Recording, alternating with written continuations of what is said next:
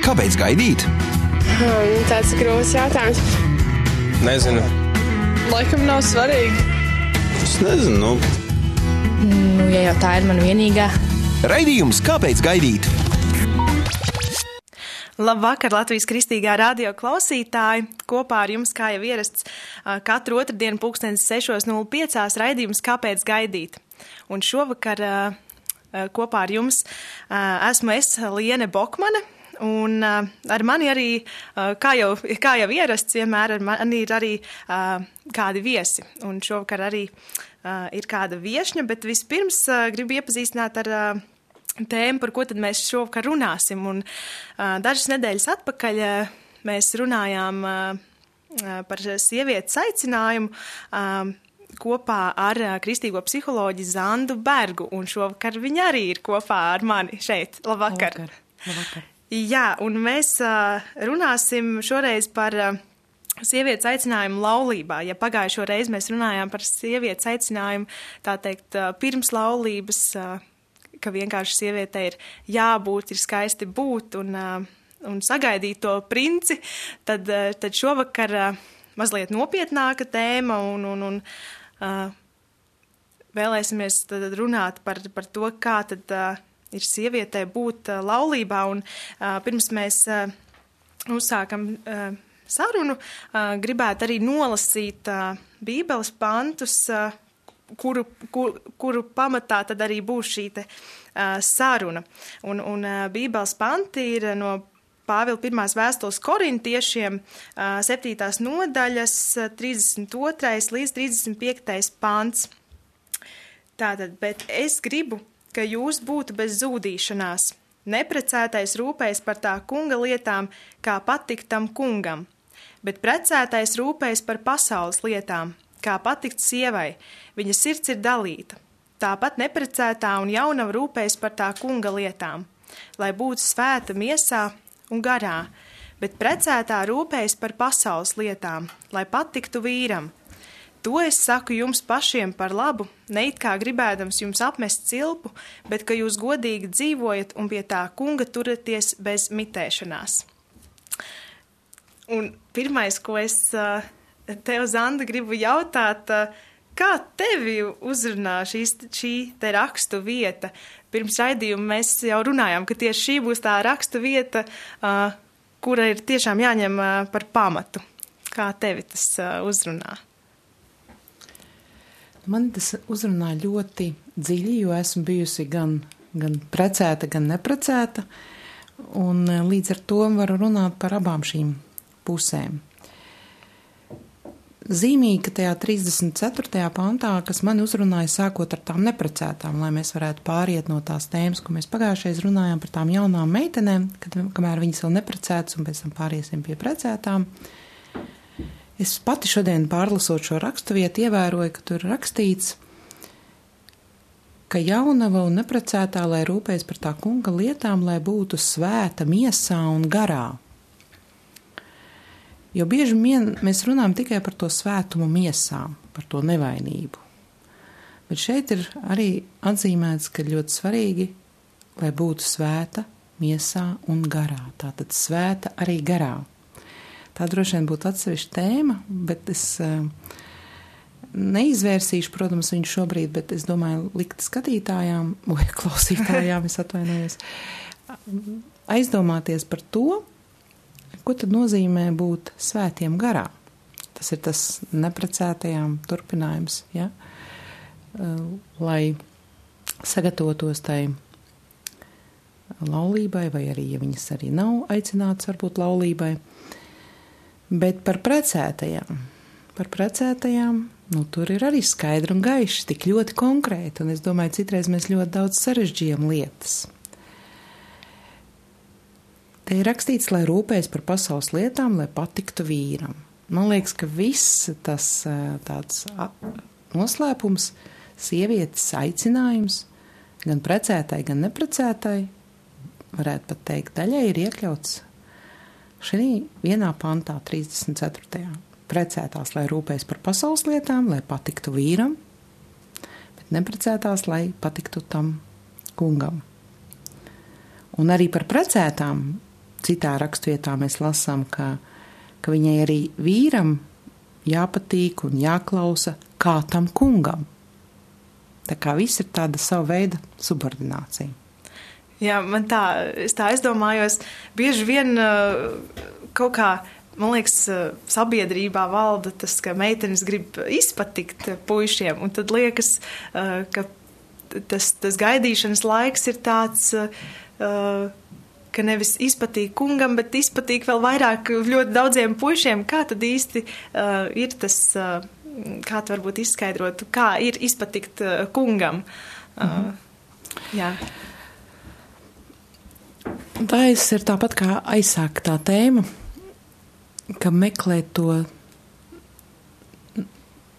kamēr viņa vēl nav precēta, viņas galva ir Dievs.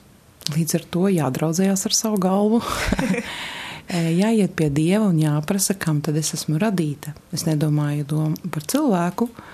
To arī var, protams, jautāt, bet konkrēti Dievs mūs katru rada ar konkrētu mērķi. Viņam viņš neko nedara bez mērķa Dievs. Un ja viņš ir radījis, tad tā tad manai dzīvei arī dzīve, cilvēka radīšana tāda notiek ar jēgu, ar mērķi, un tā tad arī konkrētas sievietes, meitenes radīšanai ir kāds mērķis. Varbūt ne tikai būt par sievu vai ne, vai par bērnu māti, bet arī vēl papildus kaut kāda misija, aicinājums. Un to jau mēs aizsākām pagājušajā reizē ka iet pie tā kunga un meklēt pirmkārt sevi, mm, es domāju, arī to pirmavotu mīlestību, pirmkārt saņemt no dieva. Jo te ir runa ļoti svarīgi par ievainotību. Citreiz mēs domājam, nu, ka tagad tas nāks tas princis vai tas vīrs, nu, un tagad viņš mani tā mīlēs, ka ka es nu tagad būšu dziedināta un ar mani viss būs kārtībā. Un bieži vien tas ir tas, ko mēs, sievietes vai jaunas meitenes, citreiz sajaucam e, lietas būtību, jo mēs nākam pie Dieva. Ja mēs gaidām, ka tas vīrs, tas vīrietis būs tas, kas apmierinās visas manas vajadzības, tad bieži vien tā laulības šķiršana varbūt pēc tam arī ir tādēļ, ka tas zēns, tas vīrs pēc tam, kas kļūst par vīru, viņš gaida, ka tā jaunā sieva tā kā apmierinās visas viņa vajadzības un, un ka viņi viens, vien, viens uz otru gaida. Bet, kad viņi dodas laulībā, ir svarīgi saprast, ka viņi ir devēji, ka es dodu otram, lai darītu otru laimīgu. Bet kā es varu darīt otru laimīgu, ja mēs atgriežamies pie sievietes, ja es pati nezinu, kas es esmu, priekš kam es esmu. Un es domāju, ka ir svarīgi tā kā augstajā dziesmā meitenei sievietei nākt pie tā kunga un meklēt to mīlestību, to piepildījumu, to maigumu, to tās intīmās attiec, attiecības, jā, ar Dievu sākumā satvert tās tuvās, intīmās, vienīgi Dievam un cilvēkam veidotās attiecības, un Dievs jau tālāk arī ved tajā laulībā, ko viņš pats ir iedibinājis. Mm -hmm. Jā. Jā, tad uzreiz ir tas. Uh... Tas jautājums, kā uh, atkal tā otra, otra daļa, uh, ka tad, kad sieviete ir laulībā, viņa cenšas izpatikt vīram, bet noteikti jau tā, tā izpatikšana kungam nebeidzas, vai ne? Vai kā, kā nu, tas jau tomēr ir viss saistīts. Pēc manas izpratnes, un cik es esmu klausījusies savus gan garīgos vadītājus, gan mācījusies, gan teoloģiju, gan tad sanāk, ka viņa uz to brīdi gan tiek atbrīvota. Viņai, kā jau mēs lasām rakstos, ka viņai ir jābūt paklausīgai visās lietās vīram. Protams, tur ir cits noteikums, kas vīram būtu jādara, lai viņa varētu paklausīt, lai viņa varētu būt paklausīga. Bet atbildot uz konkrētu tavu jautājumu, tad būtībā viņa tanī brīdī, ja pat vīrs pasaka kaut ko tādu, kas neatbilst viņas sapratnē, vai ko viņa lūkšanā būtu satvērusi par sevi, savu dzīvi, vai par nu, ja bērni, tad viņai tomēr jāpaiet šajā subordinācijā zem tās vīra gribas. Cits jautājums, ja vīrs pasaka kaut ko tādu, kas neatbilst Dieva prātam, nu, kas konkrēti Bībelē rakstīts kā grēks, tad, protams, viņai nav jābūt paklausīgai, savam vīram, kurš viņai prasa kaut ko, kas ir grēks, kas ir pretlikumīgi. Bet tādās ikdienas kārtībās, pasaules lietās, kā ir teikts, ka viņi rūpējas par pasaules lietām, lai patiktu vīram, un kā citā rakstvietā ir teikts, ka noteikšana vīram ir arī pār miesu, un tas nav tikai miesa, tas ir arī, piemēram, nu, pat es izaicinu pat teikt, ka arī vīrs var noteikt, kādu kleitu es šodien vilkšu. Ja? Un, un es varu uz, īstenībā vīriem tas tīri patīk. Ja viņam sākumā viņi par to dusmojas, ko tu man prasi, un kopš kur laika tu man prasi, ko tev vilkt, tu taču pati labāk zini, vai tur arī prasīt par sīkumiem, vai es varu aiziet pie kaimiņienes, parunāties. Jā, sākumā viņi ir ļoti izbrīnīti par to, bet tad, kad viņiem par katru sīkumu prasa, jo viņš taču ir ģimenes galva, kā viņš var sargāt, kā viņš var kopt šo savu ģimeni, dārzu uzticēto no dieva, ja viņš nezina, kur katrs atrodas. Un tad viņiem iepatīkās šī loma, un tā mēs arī sievietes varam palīdzēt viņam kļūt par to galvu ģimenes un, un, un viņas galvu, ka mēs prasām par katru nieku viņam atļauju. Tad viņš sajūt, ka viņam ir atbildība pat par to, kādu kleitu vilks sieva. Un viņam sāk tas iepatikties. Tās ir daudz, ārkārtīgi daudz liecības un arī personīgas dzīves piemērs, kad vīriem sāk tīri iepatikties noteikti nu, katrā lietā šo. Un tas ir tāda kā spēle pat jau starp laulātiem izveidojas. Un, un sievietes, kuras to nav, sievas, kas to nav pamēģinājušas, viņas sākumā nu, pret to ļoti pretojas tā, nu, bet um, tad, kad viņas pamēģina to un saprot, ka viņām nav, nu, viņas galva ir, sievas galva ir vīrs, un ka viņai nav jālauž galva par kaut kādiem sīkumiem. Ja? Viņai ir vienkārši jāpaklausa vīram. Nu, tā ir Dievs iedibinājis. Un tas tik ļoti atvieglo to dzīvi, ka viņai, nu, kāpēc sievietēm sāp galva? Nu, tāpēc, ka viņas pārāk, nu, viņas galva nav radīta, lai tik daudz pieņemtu lēmumus, uzņemtos atbildību, ja? Ja viņas saprastu šo vienkāršo pozīciju, ka viņām ir rakstīts tikai būt paklausīgām, tikai un vienīgi uzticēties, ka Dievs vada kā līderi viņas vīru, un ka viņai vienkārši jābūt paklausīgai visās lietās, gan bērnu audzināšanā, gan kaut vai uz veikalu braukt sākumā vai vai, vai pēc tam pie sievas mācīt, vai, vai otrādi visās lietās līdz sīkumiem. Un tad tā dzīve paliek tik viegla tai sievietei, jo tad viņa var darīt to, kas sievietei pienākās darīt. Es domāju, arī tādā skaistuma izpratnē, ka viņai daudz atbrīvojas daudz laika, ja viņai nav jāpieņem lēmums un jālauž galva, bet ja viņa to uztic viņam pat līdz mm -hmm. detaļām.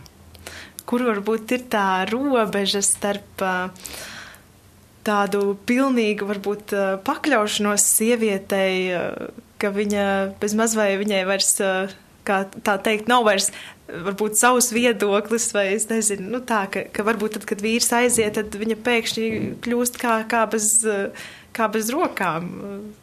nu tā, kur varbūt ir tā robeža, kā saprast, uh, varbūt, uh, nu jā, jā, jā. Tā nav pakļaušanās, ja? tā nav pakļaušanās, tā ir paklausība. Bet robežu nosaka paši laulātie. Ja? Tāpēc es pieminēju to vārdu spēle. Mēs, sievietes, esam radītas attiecībām. Mēs esam, lai būtu par skaistumu savam vīram, par atbalstu, par palīgu, par kas izceļ ar to gudrību un to maigumu un mīlestību, lai izceltu vīrieša labāko daļu, kā saka, mēs esam tā vīrieša labākā daļa, kas izcelta tajā skaistumā, lai viņš var iet kāpt uz skatuves un darboties, e, būt sabiedrībā. Viņš ir tas stiprais, kas pārstāv. Un tāpēc vienmēr var pateikt pēc sieviete, pēc vīrieša var vienmēr pateikt, kāda sieviete viņam aizmugurē ir, pat neredzot. Un otrādāk, kad es uzlūkoju sievieti, es redzu un varu pateikt, vai viņai ir mīlošs vīrs vai vispār nav vīra. Tas atspoguļojas, jo mēs esam viena miesa. Bet kur ir tā robeža? Robeža ir tajā, ka es vēlreiz atkārtoju par to spēli. Ja viņi redz, ka viņiem tas palīdz tās attiecības veidot, līdz kurām tur tam detaļām vai par kleitu viņa prasa vai neprasa. Protams, ka viņai ir savs viedoklis. Viņai vīrieti Un sievieti Dievs ir radījis kā līdzīgus, kā vienu veselu, bet tikai to sievišķo un vīrišķo daļu sadalīs uz pusēm, tāpēc ir tā otra pusīte. Un šī sievišķā maigā daļa palīdz vīrietim atkal ieraudzīt, un arī tās attiecības e, veido sieviete. Tāpēc nu, tur jābūt tādai, tādā gadījumā, protams, jā, jālūdz sievai arī tā gudrība no dieva,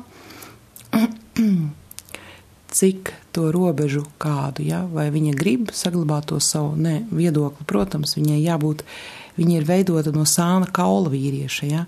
Tas nozīmē, ka viņa ir, nu, visā, gan garīgi, gan dvēseliski, vienlīdzīga un tikpat Viņai jābūt gan garīgi, tikpat gudrai un, un līdzvērtīgai, tad, tāpēc viņai ir jāsaprot un jālūdz no Dieva varbūt tas tā garīgā gudrība par to robežu. Mm -hmm. Tas ir ļoti individuāli. Mm, vai tā, tas tāds, um, kā saka, laulāto uh, modelis, ko, ko Dievs ir uh, paredzējis, vai, vai tas nozīmē, ka sieviete uh, nevar kaut kur strādāt, vai, vai viņai ir jābūt mājās. Kā, kā tas, kā tev šķiet? Protams, ka mēs dzīvojam mūsdienu laikā, kad nav vairs tik vienkārši. Un tas nav noteikts, ka sievietei nav jāstrādā un ka sievietei nevajadzētu. Tas, ka sievietei primārā loma ir to, ko vīrietis nevar darīt, vai ne? Viņš nevar dzemdēt.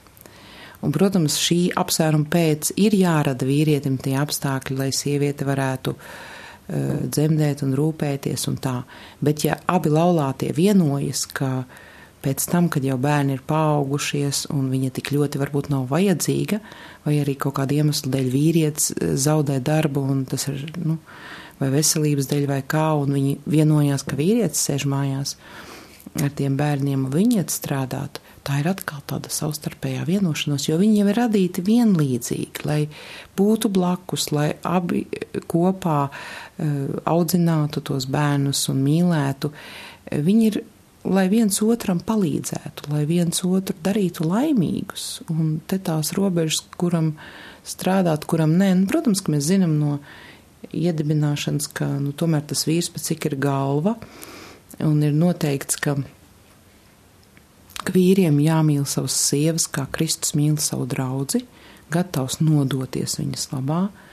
Tātad, ko Kristus savu dzīvību deva, līdz ar to vīriem arī jābūt gataviem atdot savu dzīvību. Nu, tas no sievietēm netiek prasīts. Tas nozīmē, ka nu, jā, vīrietim ir vairāk jāpūlās, lai darītu to savu sievu laimīgu un nodotos, vai ne? Bet tas jau nenozīmē tikai darba izpratnē. Tas ir kaut vai mājās mazgāt traukus, ja, nu nav teikts, ka tas ir jādara tikai sievām. Tad vīri arī var palīdzēt. Viennozīmīgi. Jā, ka ne tikai jāvienojas, lai, lai jāskatās tā. Es esmu dzirdējis daudz liecības, tad, kad laulātie vienojas, ka viņi, viņi pieņem tādu lēmumu, kad viņi dodas laulībā jo tā ir kā derība, laulība, kur apzināti mēs izvēlamies upurēties otra labā. Tas ir tas upuris, ja, savā veidā, bet mīlestības upuris, tāpat kā Dievs upurējās. Un līdz ar to, ja mēs sevi veltam otram ar domu, lēmumu darīt otru laimīgu, un esmu dzirdējis vairākas liecības, kad tad, kad viņi pie, pieiet otram laulātēm ar šādu attieksmi, ko es varu darīt šodien, sākot jau no agra rīta, lai savu mīļoto darītu laimīgu, tad tas kļūst atkal par tādu spēli, ka nu, viņi sacenšas tā kā, nu, kurš vairāk otram eh, spēs eh, atvieglot to dienu, iepriecināt. Un, eh, un tad nu, mēs nezinām, kurš paspēs pirmais nomazgāt tos traukus. Jā, nu tad īstenībā tas tā vairāk nav tā, ka ir tagad viens tāds konkrēts modelis, kādam ir jābūt, bet Dievs varbūt ir radošs un Viņš pasaka, var taču, var taču visādi, vai ne? Bet uh, tie, tie galvenie, ko Dievs uh, ir pateicis, uh, principi tam ir jābūt, vai ne? Ka, ka, ka vīrs tomēr ir sievas uh, galva, vai ne? Un, uh, un tā. Uh, varbūt nedaudz ievirzot to sarunu par, par tādiem stereotipiem, mēs jau tā kā iesākām runāt, ka, ka, ka valda jau tāds stereotips, vai ne, ka sievai ir jābūt mājās pie bērniem un, un, un vīram jāstrādā, vai ne? Bet, Pazibēja doma, ka, ka vīrs arī var palīdzēt traukus mazgāt, vai ne? Uh, Kā, kā ir, varbūt, piemēram, ir dažreiz tā, ka uh, ir kaut kādas tehniskas lietas, kas mājās ir jāizdara, vai sievietei būtu tas jādara, vai, vai, vai sievietei būtu jāgaida, ka tas vīrs izdarīs tās, tās lietas? Ja viņai tas sagādā prieku, tad tas ir ļoti skaisti. Bet, nu, ja viņai tas nesagādā prieku mājās ar vīrietis, Nu, ja viņš ir galīgi tajā, nu, Dievs jau dāvanas dala dažādas. Ir jau ļoti tādi radoši un mākslnieciskas dvēseles vīrieši, kuriem arī jāsaudzē savus rokas, piemēram, pianistiem un tā tālāk var arī būt tādi ļoti attaisnojoši iemesli, kad viņš nevarētu tur kaut kādas praktiskas lietas darīt. Bet, nu, ir citreiz kaut kā esmu ievērojis arī praksē ar cilvēkiem, ka, ka tomēr ir kaut kā Dievs tur tā salicis, ka nepavēlta viņi ir viens vesels, vai ne, ka vienam ir tās viens dāvans, otram otrs. Piemēram, manā praksē ir ļoti daudz sieviešu, ļoti sievišķīgas sievietes, un mēs. Um, Viena no viņām pat ir uh, kursa biedrene, viņa arī ir valdībā. Un jūs, ja uz viņu skatoties, jūs nepateiktu, ka viņai ļoti patīk, ļoti patīk remontēt jau no bērnības mašīnas. Un, jo viņa to ir darījusi kopā ar tēvu, bet viņa ir tik sievišķīga un tik skaista, ka nu, tā vizuāli jūs nepateiksiet. Ja? Un tas, es domāju, netraucē, ja? jo tas katram ir tās savas mīlestības valodas. Ja viņa bērnībā to darīs kopā ar tēvu, un viņai tas patīk, bet tas netraucē viņai būt skaistai un sievišķīgai priekš savu vīru un, un labai mātei priekš saviem bērniem, tad es domāju, praktiskās lietas, eh, ja viņai reiz tas padodas un tāda dāvana ir. Un man daudz klients, arī jaunietis, ir bijuši vēl pāris, kurām nu, nu, viņas pilnīgi acis iedegās, kad iet runa par mašīnu remontēšanu vai izjaukšanu vai kaut kādām praktiskām lietām. Nu, ir cilvēki arī, ka tas nenozīmē, ka sievietes. Eh, var, nu, ir daudz gan praktiskas sievietes, gan mazāk praktiskas sievietes. Tāpēc, ja mēs esam tik dažādas, vai ne? Varbūt ir. Tagad man, man nenāk vairs prātā, bet varbūt ir vēl kaut kādi stereotipi, kas, kas, kas valda, uh, kur, kurus vajadzētu laust, kas, kas sievietei ir jādara vai, vai nav jādara. Ja mēs domājam par precētu sievu, tad man, es nezinu, vai es atbildēšu konkrēti uz to jautājumu, bet tas, ko es arī šodien pārunāju ar vien, vienu no savām klientēm par tādu stereotipiem, kas bieži vien, domājot jau par šovakar raidījumu, varbūt arī, lai kāda no klausītājām neieļaunotos dzirdot, ka nu jābūt paklausīgām un tā, ka ļoti būtiski ir tas stereotips, jā, tas ir tas stereotips, ka sievietes izdzirdot vārdu, ka viņām jābūt paklausīgām, mūsu sabiedrībā ir ļoti daudz ievainotu, pamestu, šķirtu sieviešu, un, un tad uh, viņas uzreiz, nu kā tas ir būt paklausīgai visās lietās, kad viņi izlasa kaut kādu tādu bībeles pantu vai tagad varbūt dzird no manis, tad tas var radīt kaut kādu tādu nepareizu sajūtu. Tām klausītājām gan es gribētu salauzt šo stereotipu, nomierinot, ka mēs tagad skatāmies vairāk to sievietes aicinājumu lomu un vairāk tāpēc runājam par sievieti. Bet tas, lai sieviete varētu būt paklausīga savam vīram, ir viennozīmīgi atkarīgs no paša vīrieša, no vīra, cik ļoti viņš nododās, cik ļoti viņš mīl to savu sievu un kā viņš rūpējas par to, lai visi tur būtu kā mm, priecīgi un laimīgi, kā viņš rūpējas. Un tad jau viņai ir viegli būt paklausīgai. Ja, ja viņai viss nodrošināts ir, kas no vīrieša tiek prasīts, vai nepieņemt lēmumus, atbildību, rūpes, nu tur arī par to finansiālo varbūt drošību, vairāk tomēr tiek prasīts, kamēr viņi mājās ar bērniem. Un otra stereotipa lieta ir, ko bieži vien arī sievietes aizmirst, ka viņas laulībā dodoties ir solījušās savam vīram. Un tāpat arī vīri ir eh, solījušies savai sievai, bet par sievietēm viņām tā sirds tā kā daļēji ir dalīta. Tāpēc, ka mēs kā mātes vairāk arī rūpējamies par tiem bērniem un bieži vien novārtā atstājam savukārt vīrus, bet pie altāra mēs esam solījušies eh, mīlēt savu otro pusi, tātad līdz nāvi mūs šķirs un neesam solījušies pie altāra mīlēt bērnus līdz nāvu mūsu šķirs, es domāju, tādā nu, ļoti tādā kardinālā veidā, ja, ka, protams, mēs mīlam savus bērnus un rūpējamies, bet atcerēties to, ka bērni izaug. Bet par to laulāto mēs esam apsolījušies rūpēties līdz nāmu šķirs. Un, un tad bieži vien vīri, savukārt, kas atkal arī klausītājām, es, mm, nu, gribētu tomēr nodot to ziņu, ka bieži vien viņi aiziet pie tām arī varbūt citām, jo viņi jūtas pamesti un atraidīti, par ko mēs sievietes dažreiz neiedomājamies. Mums liekas, tie taču ir mūsu kopīgie bērni, mēs taču kopīga labuma vārdā tur darbojamies, un, nu, labi, man nesanāk pietiekoši daudz pievērst uzmanību tam vīram, bet viņš taču sapratīs. Jo tie taču ir mūsu bērni. Nu, vīrietis ir savādāk radīts, viņš bieži vien var nesaprast, tāpēc, ka viņš ir no Dieva saņēmis dāvanu sievu Un viņš grib, jo ir teikts rakstos, ka 1. E, korintiešu 11.8. ka nevis vīrs ir no sievas, bet sieva ir radīta no vīra. Un e, savukārt 9. pantā turpat ir rakstīts, ka vīrs nav radīts sievas dēļ, bet sieva radīta vīra dēļ. Tas nozīmē, ka tomēr mums sievietēm jāatcerās, ka mēs esam radītas, lai būtu par atbalstu, par palīgu pirmām kārtām vīriem, savam vīram, un tad tikai kopīgiem spēkiem par bērniem. Mm -hmm. Stereotipi, jā. jā. Stereotipi. Stereotipi vēl tas, ka nu, visu laiku sievai, jā, sievai. Jo nevar jau izpildīt šo lietu, par kuru es tikko runāju, ja balstās uz to stereotipu, ko es tagad eh, gribu vēl pateikt, ka nu, tās sievas un mātes tikai ar, ap tiem bērniem ņemās ja mēs pieturamies pie tā stereotipa, ka tikai viņas ņemās, tad, protams, ka tas neiet kopā abiem.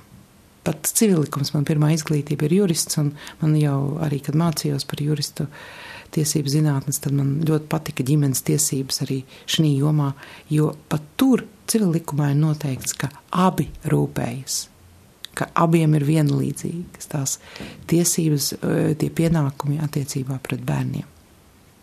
Ja. Tas ir jau dievišķais likums, ir bieži vien ielikts jau arī tajā civil likumā iekšā. Ja, nu, tomēr jau bērniem uh, ir nepieciešami abi, vai ne? Ne jau tikai, ne jau tikai māte, bet uh, arī tēvs. Uh, tāpēc jau tā ir laulība, vai ne? Kad laulība jau nesastāv no viena. ir nu, gan vīrs, gan sieva.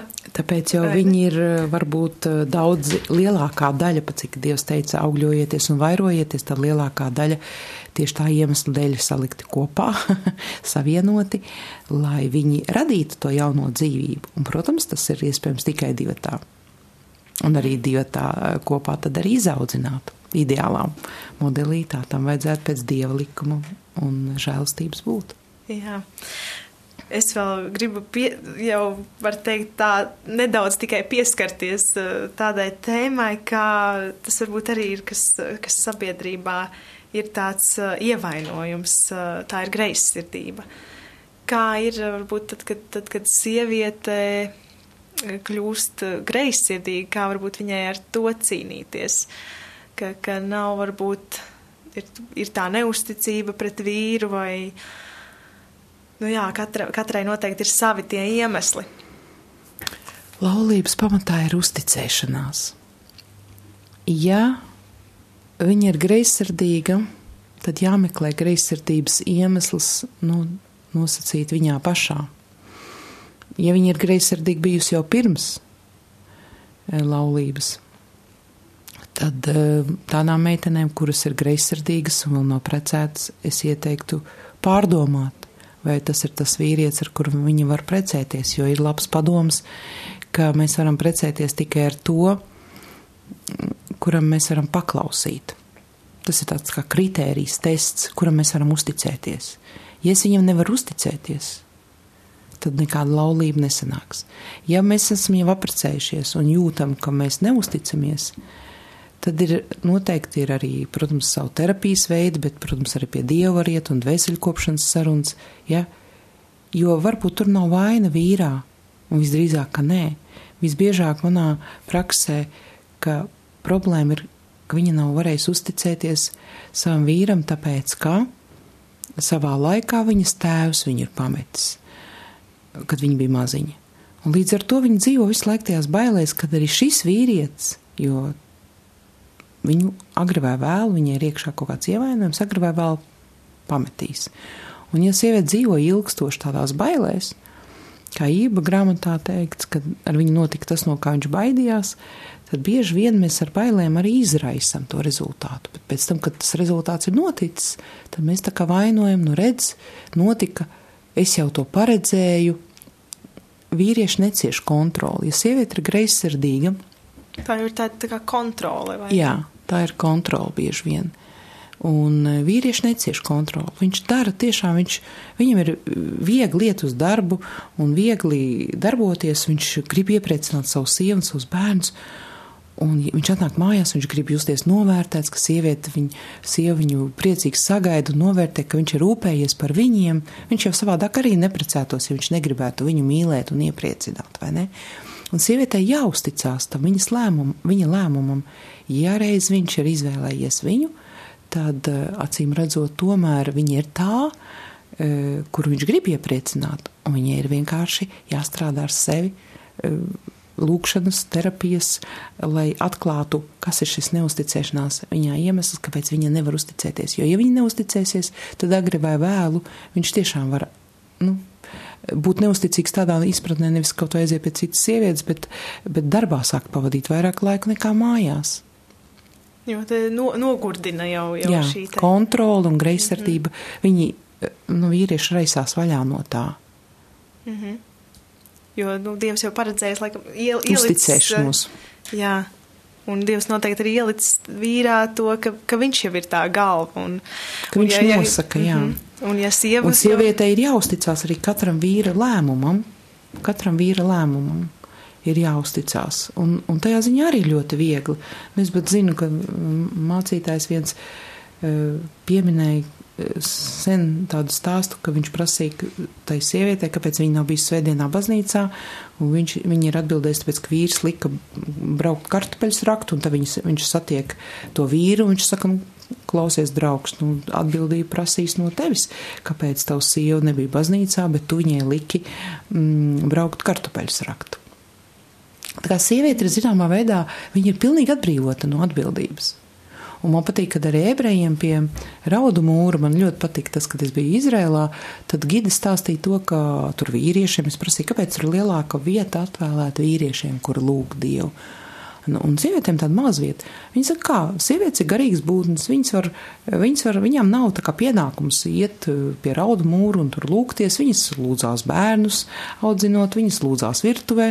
Viņām var, viņas var vispār nelūgties, jo viņas galva ir vīrs, viņai galvenais klausīt vīram, bet vīra galva. Savukārt Dievs, viņš nāk pie tā vienalga, nu, raudu mūru un lūdzās no tās savas galvas, savukārt dabūt to gudrību padomu, kā rūpēties par to savu ģimeni, bet sievietes, viņas ir atbrīvotas no šīs, nu, no tādas pienākuma atbildības kaut kādas, viņai ir jāklaus tikai vienīgi vīram.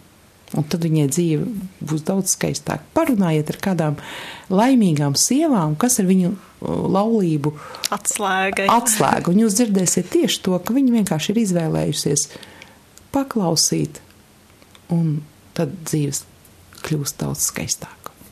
Bet, ja sieva saprot, ka, ka tas vīrs viņai pasaka darīt kaut ko, kas ir pret viņas varbūt kaut kādiem uzskatiem, vai nu, tad ir jāizrunājās, protams, mm -hmm. tad ir jāizrunājās, viņai droši vien ir jāpastāst par to, kā viņa jūtas un kāpēc viņai varbūt ir tādas dalītas sajūtas, kāpēc viņai ir grūti paklausīt konkrētā lietā.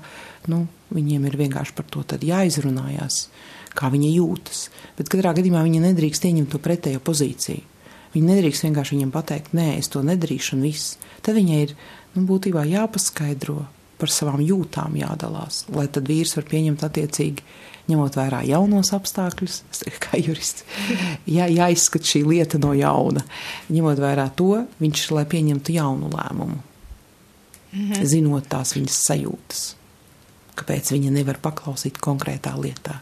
Varbūt viņi kopā var aiziet arī tad eh, lūkšanā vai kopā aiziet pie eh, terapeita, ja tur ir kaut kāda dziļāka lieta. Ja? Mm -hmm. Jā, nu, lēnām jau tuvojoties raidījuma beigām, es tev vēl lūkšu. Mm, varbūt teikt tādu novēlējumu, varbūt tādu kā rezumē, uh, kā tev šķiet, kas ir tas, tās galvenās lietas, uh, ko precētai sievietei vajadzētu ņemt vērā, lai saprastu to savu aicinājumu laulībā. Pārskatīt un, un izmeklēt savu sirdi attiecībā pret savu vīru. Jo sievietēm gan tas ir vai nu stereotips, bet nu, tā ir arī prakse, ikdiena, ko es redzu, ka sievietēm ir tendence tikai tāpēc, ka jā, nav ideālu vīru, bet um, uzreiz nu, attaisnoties. Attaisnoties un teikt, nu jā, ja jau man būtu tāds vīrs, kāds tur Bībelē rakstīts, un, un ja jau viņš tur, un tad jau es varētu. Bet, nu, izmeklēt tomēr savu sirdi un paskatīties, vai tiešām manā laulībā tā man bija, ka es pieņēmu lēmumu kļūt par to paklausīgo, pazemīgo sievu, neskatoties to, ka mans vīrs absolūti neatbild ideālam. Ja? Bet es izvēlējos šo paklausību un pazemību gan pēc Bībeles, gan pēc garīgā vadītāja, ja, tādām pārunām, un viņš tiešām izmainījās, un pēc tam vēl publiski atzina, ka es esmu nu, viņa sieva izmainījusies, un tas viņam ļāva nākt pie dieva.